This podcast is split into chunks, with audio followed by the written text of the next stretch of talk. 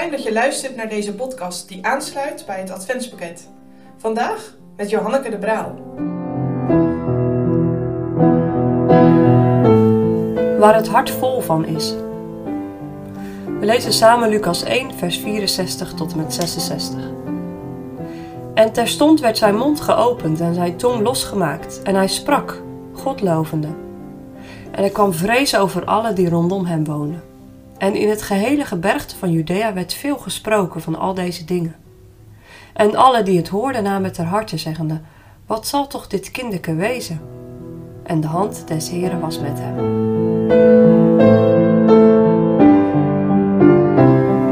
Ruim negen maanden lang heeft Zacharias gezwegen.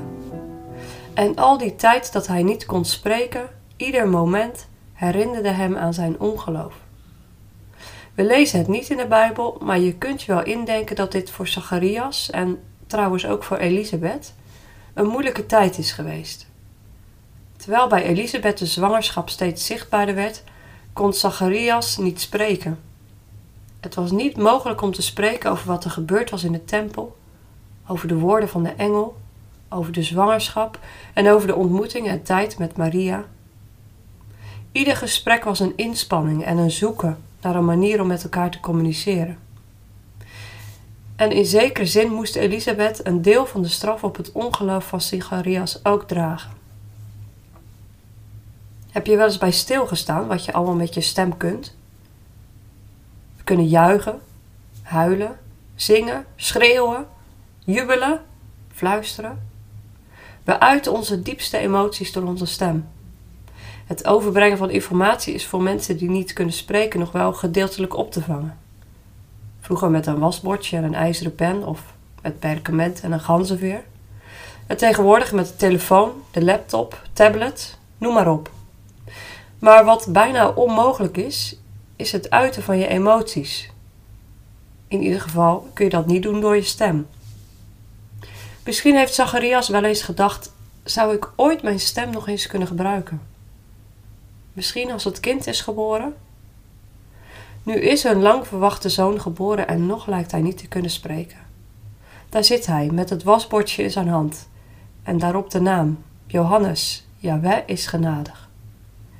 En dan, terwijl de buren en familie zich verwonderd afvragen waarom het kind Johannes heet en geen Zacharias, dan opent de Heere de mond van Zacharias. Zijn tong wordt losgemaakt.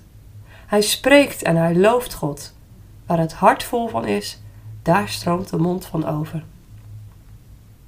De buren horen Zacharias spreken en God loven en ze zijn diep onder de indruk. Dit is niet zomaar iets. Hier is God aan het werk. Ze raken er niet over uitgepraat. In de hele omgeving van het bergland van Judea is de geboorte van Johannes en alle gebeurtenissen daaromheen onderwerp van gesprek. Nou, zeggen ze tegen elkaar, het kan niet anders of dit is een heel bijzonder kind. Het is ook niet zomaar een hype. Vandaag wordt er over gepraat en morgen zijn we het weer vergeten omdat er weer iets anders in het nieuws is. Nee, we lezen dat ze de boodschap van de komst van Johannes ter harte namen. Er klinkt iets in van verwachting. Wat zal er van dit kind worden? En die verwachting wordt niet beschaamd. In het jonge leven van Johannes zien ze dat de Heer op een bijzondere manier voor hem zorgt. De hand van de Heer is met hem. Het ongeloof van Zacharias maakte dat hij moest zwijgen. Maar als God de band van de straf op de zonde van het ongeloof breekt, dan spreekt zijn hart en stroomt zijn mond over van lof aan God. Het getuigenis raakt familie en buren en bereikt mensen tot in de wijde omgeving.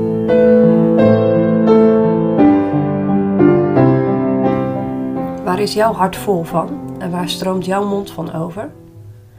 Juist kerst kan een goede gelegenheid zijn om je buren en de mensen in je omgeving eens uit te nodigen. Om het goede nieuws van de geboorte van Gods eigen zoon, de Heer Jezus Christus, te delen. Kan jij getuigen van de genade en goedheid van God?